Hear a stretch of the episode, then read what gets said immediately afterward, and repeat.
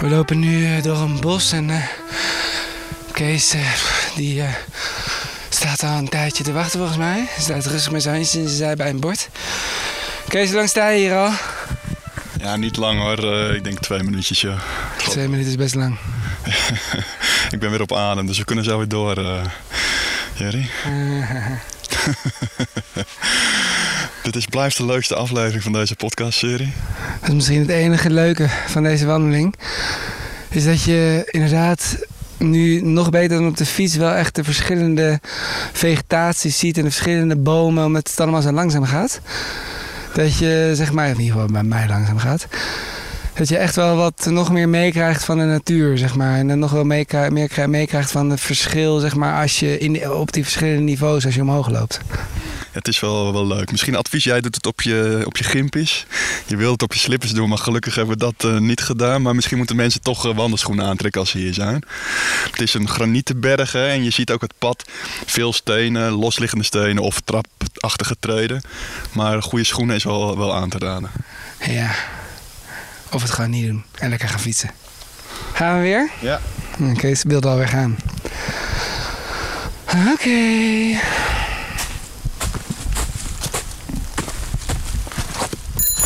Ik ben Jerry. En ik ben Kees. We zijn allebei wielergek, fietsen zelf regelmatig en kijken alles tot los en vast zit. Al van jongs af aan. Dus maakte onze hart een sprongetje toen bekend werd dat de zesde etappe van de Tour de France dit jaar eindigt op de Montaigual in de Cevennes. En niet alleen omdat deze berg in onze Nederlands fiets-DNA zit, door het beroemde boek De Renner van Tim Krabbe. Maar ook omdat ik rond de flanken van de Montaigual woon. Ik werk vanuit Zuid-Frankrijk voor het AD en run een sheet samen met mijn vrouw. En die Montaigual, daar is iets mee. Het is een eigenzinnig bergje. Toen Napoleon beval dat er kastanjebomen in de Cevennes moesten worden geplant, groeiden die overal, behalve... Op de Montaigual. En als het in de vallei 30 graden is en je fietst naar boven, dan kan het op die top opeens maar 5 graden zijn en heel hard stormen. Daarnaast doen er hier tal van andere verhalen de ronde over de Montaigual. Van epische wielenverhalen tot bosbranden en zelfs de dood. De reden genoeg om op onderzoek te gaan en de lokale verhalen van de Montaigual te ontdekken. Les Cévennes. Welkom bij de podcast Le. Welkom in de.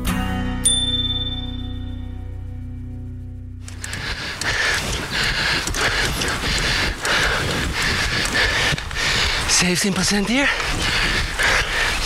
18 procent hier. En ik zie Kees van links naar rechts gaan. Maar kan niet stoppen nu. Dan val ik om.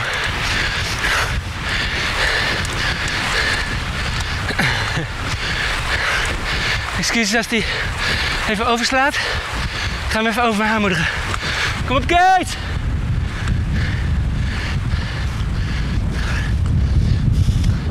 Zo'n bocht 17% Daarna een rechtstuk. Wind tegen 14% Doe even normaal.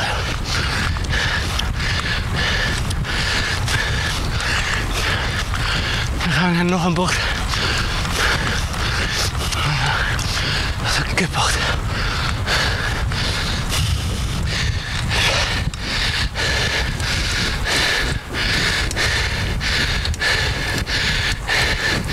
Ik snap wel dat Bernie nog gaan lopen.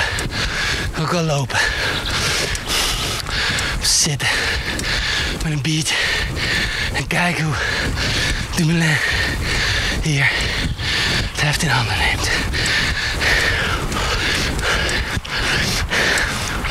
Ja, ja, je hoort het goed. Ook ik, gezegend met iets meer conditie dan een gemiddelde wielertoerist, maar 000.0 klimtalent, ga helemaal stuk op het steile stuk van een Luzet. Maar goed, op zich hoef ik me niet te schamen, want het is hier echt bijzonder stijl. En dan ook echt bijzonder stijl. Kees komt dan ook serieus in de problemen. Kut. Auto. Ja. Een auto in de bocht, ik moet het steile deel door.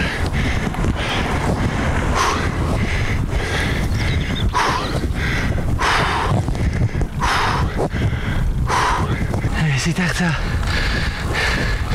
Een stuk of zes haarspelden. Het gaat dus die dag wel echt uitmaken hoeveel wind er staat en wat tegen en wat mee. Want dit was wel even een stijl kilometertje. Kilometer 12. Steile gedeelte. Nu kilometer 13. 11,2% gemiddeld. Denk je dat Kees het leuk gaat vinden? Kees, kijk eens op het bordje. Gemiddeld 11,2 procent. Gezien? Ja, Wat stond er? maar nog geen voet aan de grond, hè? Nee. Maar nu komt het, hè? Hè? Nu komt het. Ja. 11,2% gemiddeld een kilometer. Halleluja. Hey, dat woordje abandon wat je vaak hoort, wat betekent dat? Wat zeg je? Abandon. Abandon, zegt hij. Kom op, Casey. Ja. Jee. Abandon, zegt Kees. Wie vaak wielerongelukken versus voetbalovertredingen filmpjes kijkt, weet het wel. Abandon, opgeven, is een woord dat wielrenners niet zo snel bezigen. Sterker nog, opgeven is iets dat wielrenners nooit willen meemaken. Zeker de grote der aarde niet. En als het dan gebeurt, dan moet het in ieder geval groots gebeuren. En zo was het voor Bernard Hinault, want hij gaf op waar Kees en ik dapper doorbeddelen. Nou ja, oké, doorploeteren. Maar hoe dan ook, vriend Bernard dus niet, hè? Dus hoe we ook boven komen, we verslaan een groot kampioen. De legende gaat namelijk dat hij begin jaren 80 tijdens de Grand Prix Midi Libre in kilometer 13 van de Col de la Luzette een voetje aan de grond moest zetten. Een trendsetter? Misschien wel. Feit is dat naast fietsen de Montagual te voet te lijf gaan bij veel mensen populair is. Nee, niet bij mij. Dat hoorde je aan het begin van deze aflevering al. Maar bij veel trailrunners en wandelaars dus wel. Zo ook bij onze volgende gesprekspartner. We zijn eh, op weg naar Gildas Le Mazon. Hij, is, eh, eh, de, hij organiseert elk jaar de Cevennes Trail. Want er wordt niet alleen gefietst op de Mont d'Aigual of eh, door herders gelopen, maar er wordt ook echt serieus eh, hard gelopen. En dat gaat echt heel extreem, tot, tot wel 100 kilometer. Is geloof ik de langste. En dat is een, een terugkerend evenement. En we hebben afgesproken in eh, het centrum van Le Vigan. En eh, in een wel toepasselijk eh, cafeetje. En dat is. eh, het heet. Het cafeetje heet. Bonjour. De Cevennes. Bonjour. Gildas? Bonjour Gildas. Ça va? Oui, ça va? Bonjour. Gildas Le Mazon spreken we dus. Een begenadigd trailrunner en liefhebber van de regio. Niet geboren en getogen rondom de Mont Aigual, maar wel zijn hart eraan verpand. We gaan snel naar binnen om hem te spreken. In het Engels dit keer. Um, okay, so, so we're here. We're here in Café de Cevennes, and um, we're- talking about cycling all the time, and about uh, about the the forest, and about the mountain, about the weather. But but we can also talk about running because running is something you do often here uh, on the Montagual and in, in the Cevennes, right? Yes, correct. So uh, this this place, this region, is very appropriate for for trail running because we have mountains, we have lots of uh, little paths, and uh, we can we can go uphill very easily, and uh, it's very wild. And we have Cirque de Navacelle on one side, we have Montegual on the other side. Very various uh, countryside, which is very beautiful for running. So we we have been organizing some uh, some race here for. Uh, nearly 20 years. And uh, the next one is coming next weekend, not this coming weekend, following weekend, with 1,300 people coming from all over France and about seven, eight different countries. And we have uh, five races from 11 to 100 kilometers long. So it's kind of a big celebration of running here uh, in the Seven. Yes. Oké, die mensen voor de wedstrijd, die kwamen dit jaar helaas niet. We spraken Gildas in februari, voor al de coronamaatregelen, en hoopten erop dat het nog zou doorgaan. Niet dus, strepen door.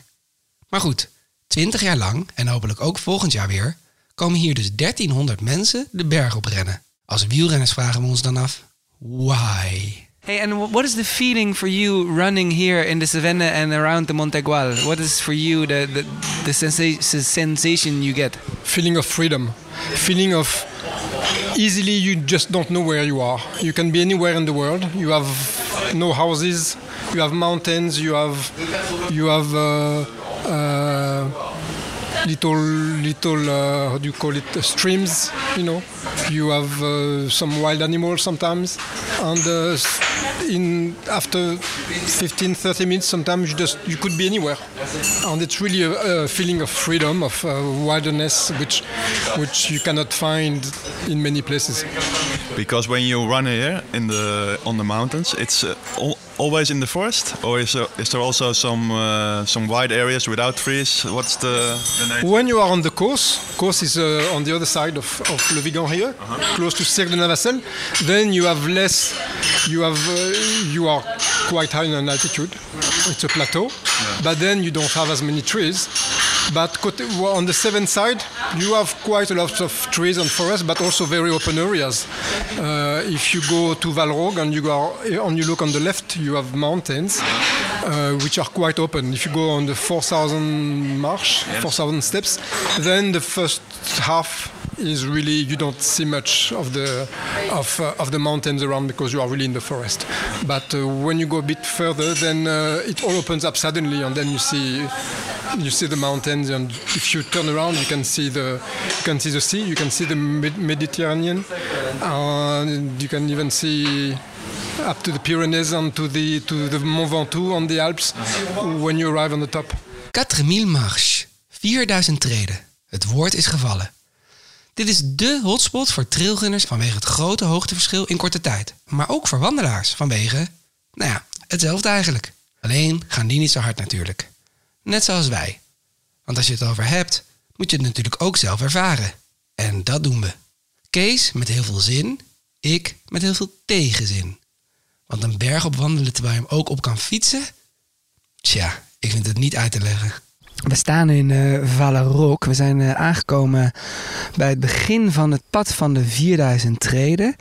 En eh, ja, we gaan hem proberen omhoog te lopen. Eh, ik ben niet zo'n loper, dus vandaag is het eh, Kees een dag eh, om te shinen. Dus eh, ik ga denk ik eh, vandaag de billen van Kees vooral zien. Kees, we staan hier bij het bord. Heb je er zin in? Ja, ik heb er heel veel zin in. Dit, ik denk dat dit een van de leukere uitzendingen van deze podcastserie gaat worden. Ja, omdat ik achter ga lopen. Kees, wat sta, we staan op het bord eh, met wat uitleg in het Frans. Kan jij eens even zeggen wat er allemaal staat? Ja, we staan dus aan het begin van het pad van de 4000 treden van Vallaroque naar het weerstation op de Montagwal, bovenop de berg.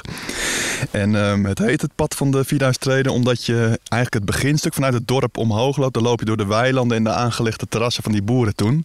En dat geeft het idee van treden, dat je echt een, eh, een grote trap oploopt. En daarom heet, eh, heeft het pad zijn naam die dat nu heeft. En eh, het is een 9,5 kilometer lang pad. Wat je normaal gesproken zeg je in een 3 en 3,5 uur loopt als je een, een wandeltoerist bent. En je gaat 1200 meter klimmen omhoog. Dus we lopen, eh, ja, we moeten wel klimmen en eh, het nodige werk gaan verzetten. En het is wel leuk, want dit pad bestaat al jaren, al eeuwen. Vroeger werd het gebruikt eh, door herders en de mensen die dat weerstation op die berg bevoorraden.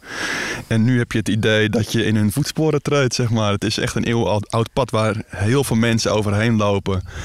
En dat nou, geeft een stukje historie en lading mee, wat wel wat tof is. En wat dus kinderen doen om zeg maar naar hun volwassenheid toe als een soort van ritueel. Nou ja, eh, pff. als kinderen het kunnen, kunnen wij het ook, toch? Zullen Ja, ga jij maar voorop. En het begin is heel leuk in het dorpje. Je hebt een soort beetje kruip door, sluip door. Hè? Door tunneltjes, langs huisjes, smalle stegens. Het begin is echt al heel eh, idyllisch. Ga ik daarna terug, ja? Ja, oké. Okay. Kees die, eh, ja. Nou, die neemt twee passen en die eh, is anderhalve pas voor mij. Ik ga mijn best doen om hem bij te houden.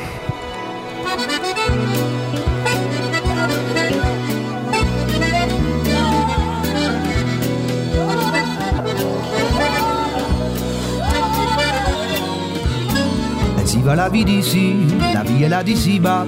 Elle débat et batterie, les premiers pas danser, allemand des écoliers. Balancé dans l'air sans avoir d'air, saoulé dans le temps. Au fin de nuit d'abus du soufflet qui s'est tiré, c'est mon seul ton du blues. Et si c'était ça la vie, et si l'avait pas dit, va de l'aventure là. Allez, dis-le dans des mots doux, désir ici, efficace. Wat een gedoe. Maar goed, Kees moet ook zijn momentje hebben om zich het mannetje te voelen. Dus off we go.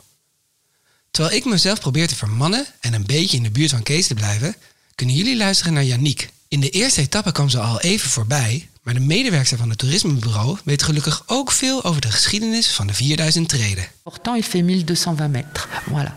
Et donc, euh, en- il, y a, il y a 30 ans, 32 ans très exactement.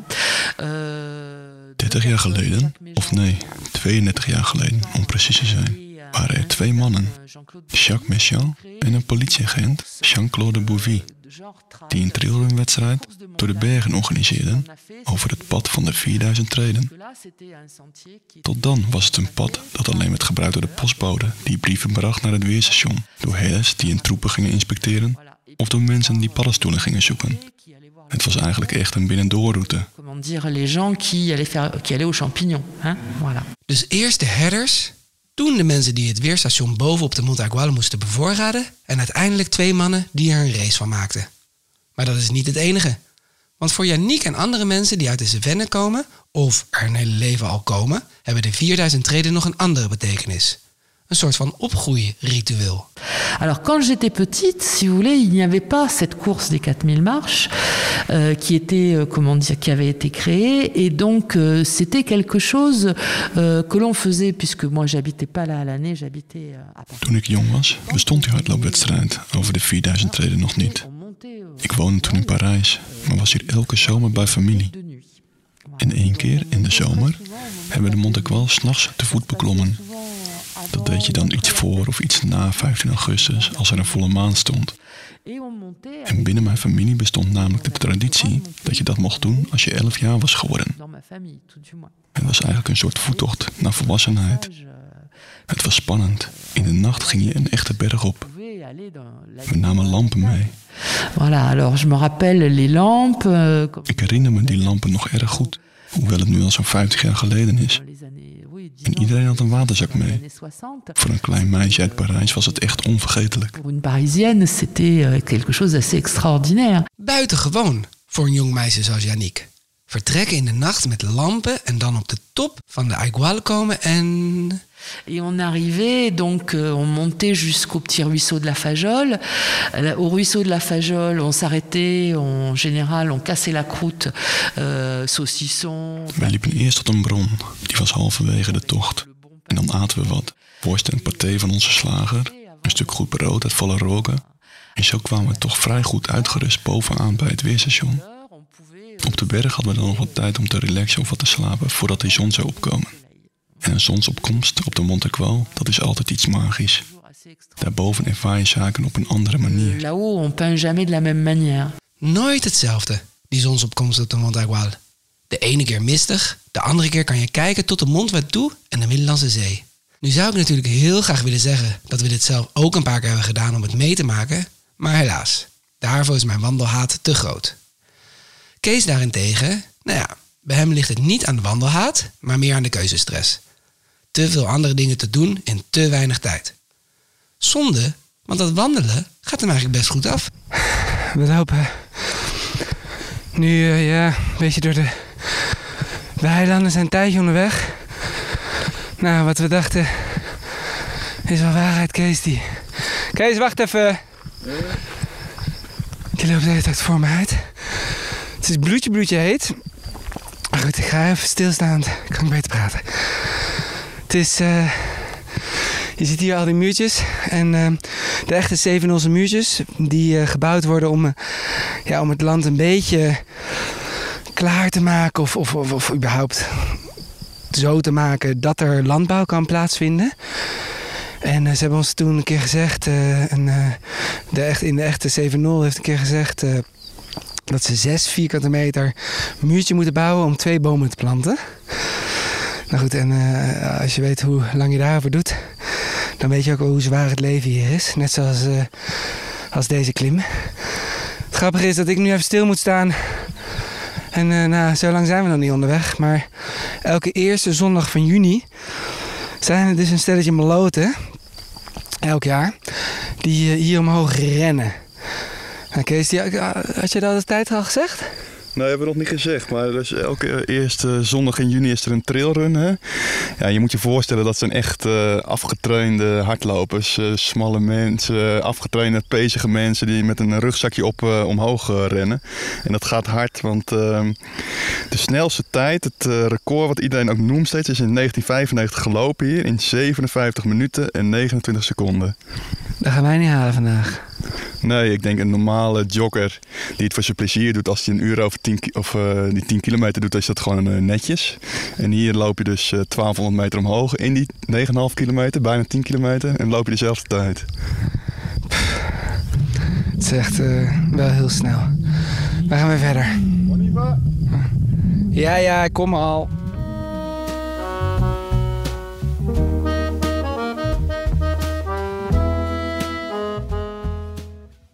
Omdat ik de voice-overs mag doen van deze podcast, neem ik even de ruimte om te zeggen: fuck jou, Kees.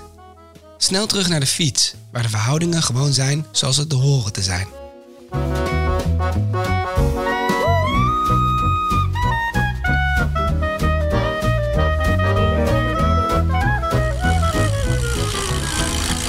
Nog één voetje? Nee, nee, het gaat. Het was wel stel, stel net, maar. Uh, net was het stelste stuk zeker, of nu? Ja. Okay. Bij dat bordje daar, daar is zeg maar het begin van het einde. Mooi. Dat kleine bordje daar? Ja, en dan nog drie, vier bordjes verder, maar dan okay. ben je daar geen bochten meer. Uh, met jou gaat hij? Oh ja? Gaat hij? Ja. Pocket ding, hè? Ja, stel ja. Het vooral net die uh, twee, drie bochten terug. Ja.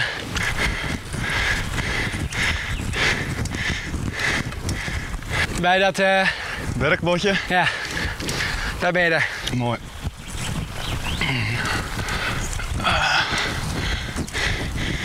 Er staan hier al handgeschreven bordjes aan de zijkant. Heb je die al gezien? Ja, 2 juli.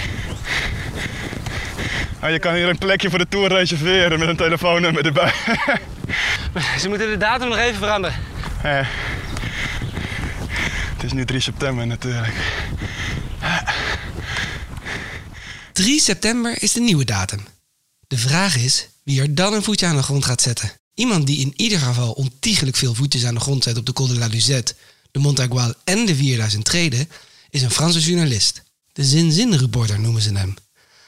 Na talloze mails en contactpogingen via Facebook en Instagram hebben we hem eigenlijk al opgegeven. Maar toen we een herder interviewden bovenop de Gual, bij de skipistes, daarover meer in de volgende aflevering, hobbelde hij ineens voorbij. Et c'est quoi spécial pour faire le trail run euh, au Montegual Alors ici, il faut vraiment savoir que quand on habite du côté de Montpellier, en règle générale... Als je uit de regio Montpellier komt, zo'n 70 kilometer verderop, dan is het gebied hier het eerste bergachtige gebied wat je tegenkomt en waar je als trailrunner goed kunt trainen.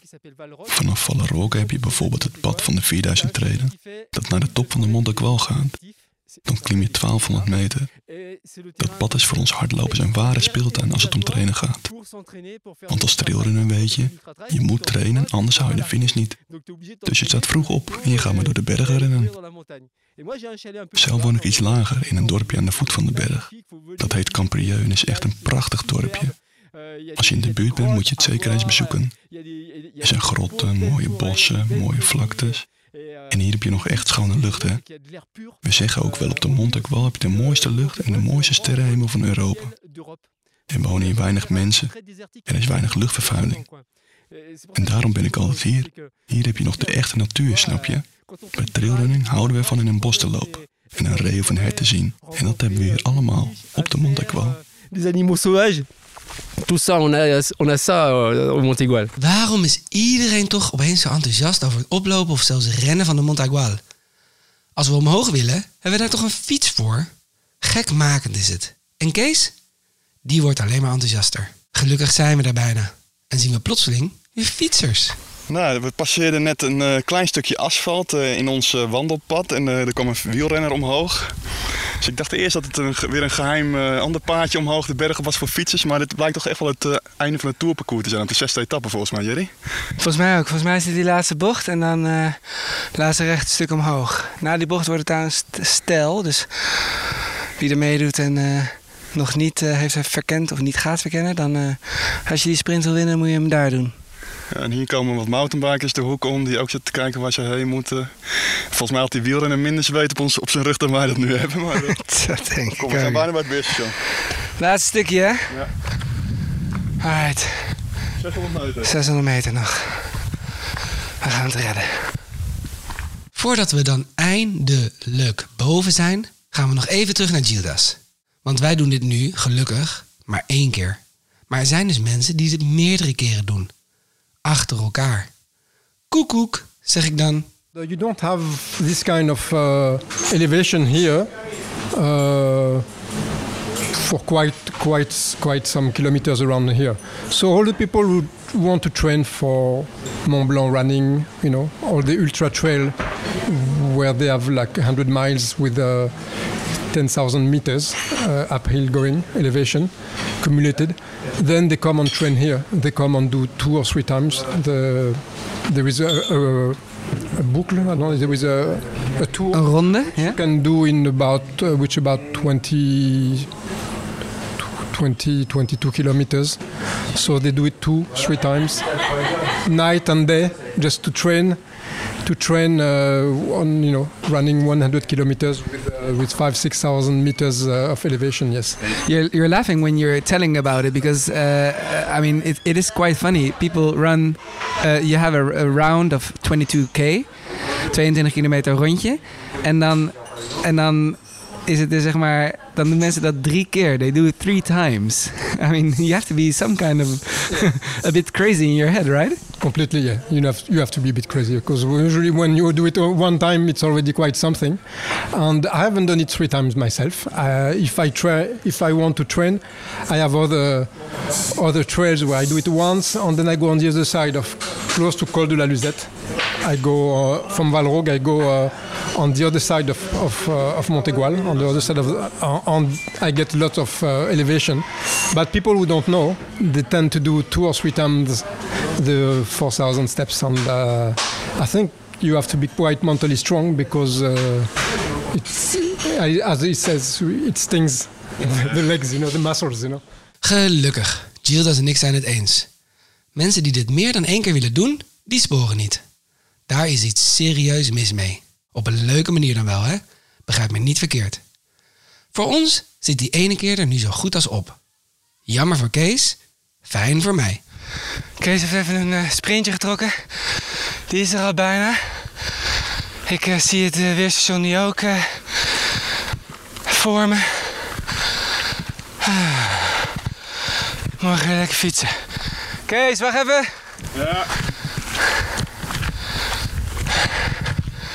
Right. Kees, morgen even fietsen, hè? ja, morgen weer fietsen. Maar onthoud me dit eh, genot even niet. Loop even door, want je zit nu al 3,5 uur te piepen. Ja, zo is de lodder een beetje vanaf. Ja, kom op. We zijn er bijna. Koude biertje wacht boven. Hup, hup. Ik haat hem.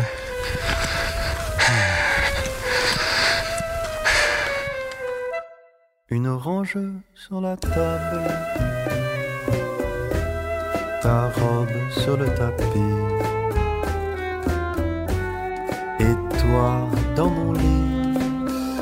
doux présent.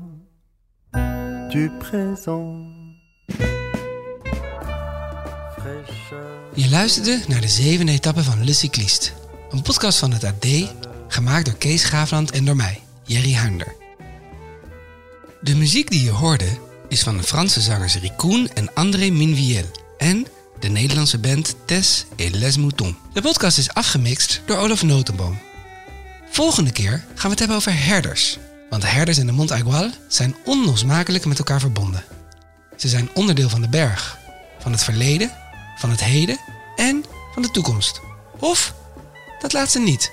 We vragen het de herders zelf en van die gesprekken leren we een hoop. De belangrijkste les? Zorg ervoor dat je altijd een spiegeltje bij je hebt als je de berg op gaat. Want mocht je een keer last hebben van je achterste, ons wielrenners geen onbekend fenomeen, dan kan je de oorzaak van de pijn met een spiegeltje altijd goed inspecteren.